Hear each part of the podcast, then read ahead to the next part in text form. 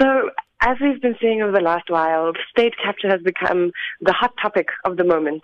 Um, and for us at, at Right to Know and with Open Secrets and Corruption Watch and several civil society organizations who have come together to organize this People's Tribunal, what is really important is not only to uncover um, the information behind what's really going on in, uh, in the state capture, but also to show the links between um, the state capture that's happening now and the state capture um, that happened during apartheid and what we know as apartheid economic crimes are very similar actually in nature to the crimes we're seeing now.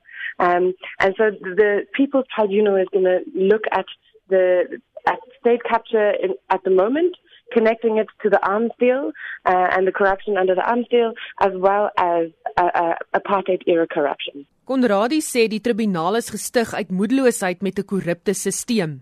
So the important thing for us with this tribunal is to ensure that it is um, it, it, that this investigation is something that is owned by the public, that is owned by the people of South Africa. It's not for for a few investigative journalists only, and, and we appreciate that work so immensely. But what we're trying to achieve uh, with this tribunal is to say, how do we, um, as the people of South Africa who are experiencing and who are affected by this um, corruption, how do we see, um, how do we bring that information together? How do we collect the evidence? How do we interrogate the evidence?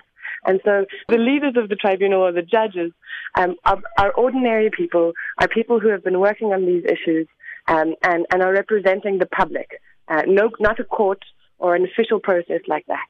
Sy sê die publiek het tot 22 Oktober om inligting aan hulle te verskaf oor ekonomiese misdade. Okay, so the the tribunal is being organized by a coalition of civil society organizations. Um, but what we really want from the tribunal is for people who have information to come forward. Um, and it doesn't mean that those people have to present the information personally. They can send it anonymously. They can send it to Open Secrets, who are who are coordinating that part of, of the of the tribunal.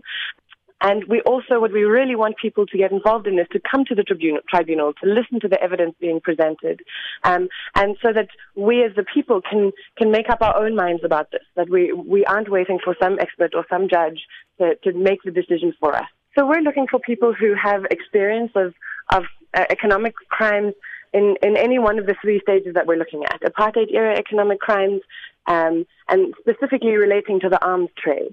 Um, we're also looking for information surrounding the arms deal, and a lot of that information has already been uncovered by people who have been working on, on these issues for years and years. But we're looking for, for all kinds of information, be it uh, personal accounts of experiences of of, uh, of this type of economic crime, um, or whether it, it is whistleblowers who have information that hasn't come out before. And we, the tribunal will will do its utmost to protect anyone who is coming forward with information and, and to incorporate that in the, in the final evidence presentation at the tribunal itself.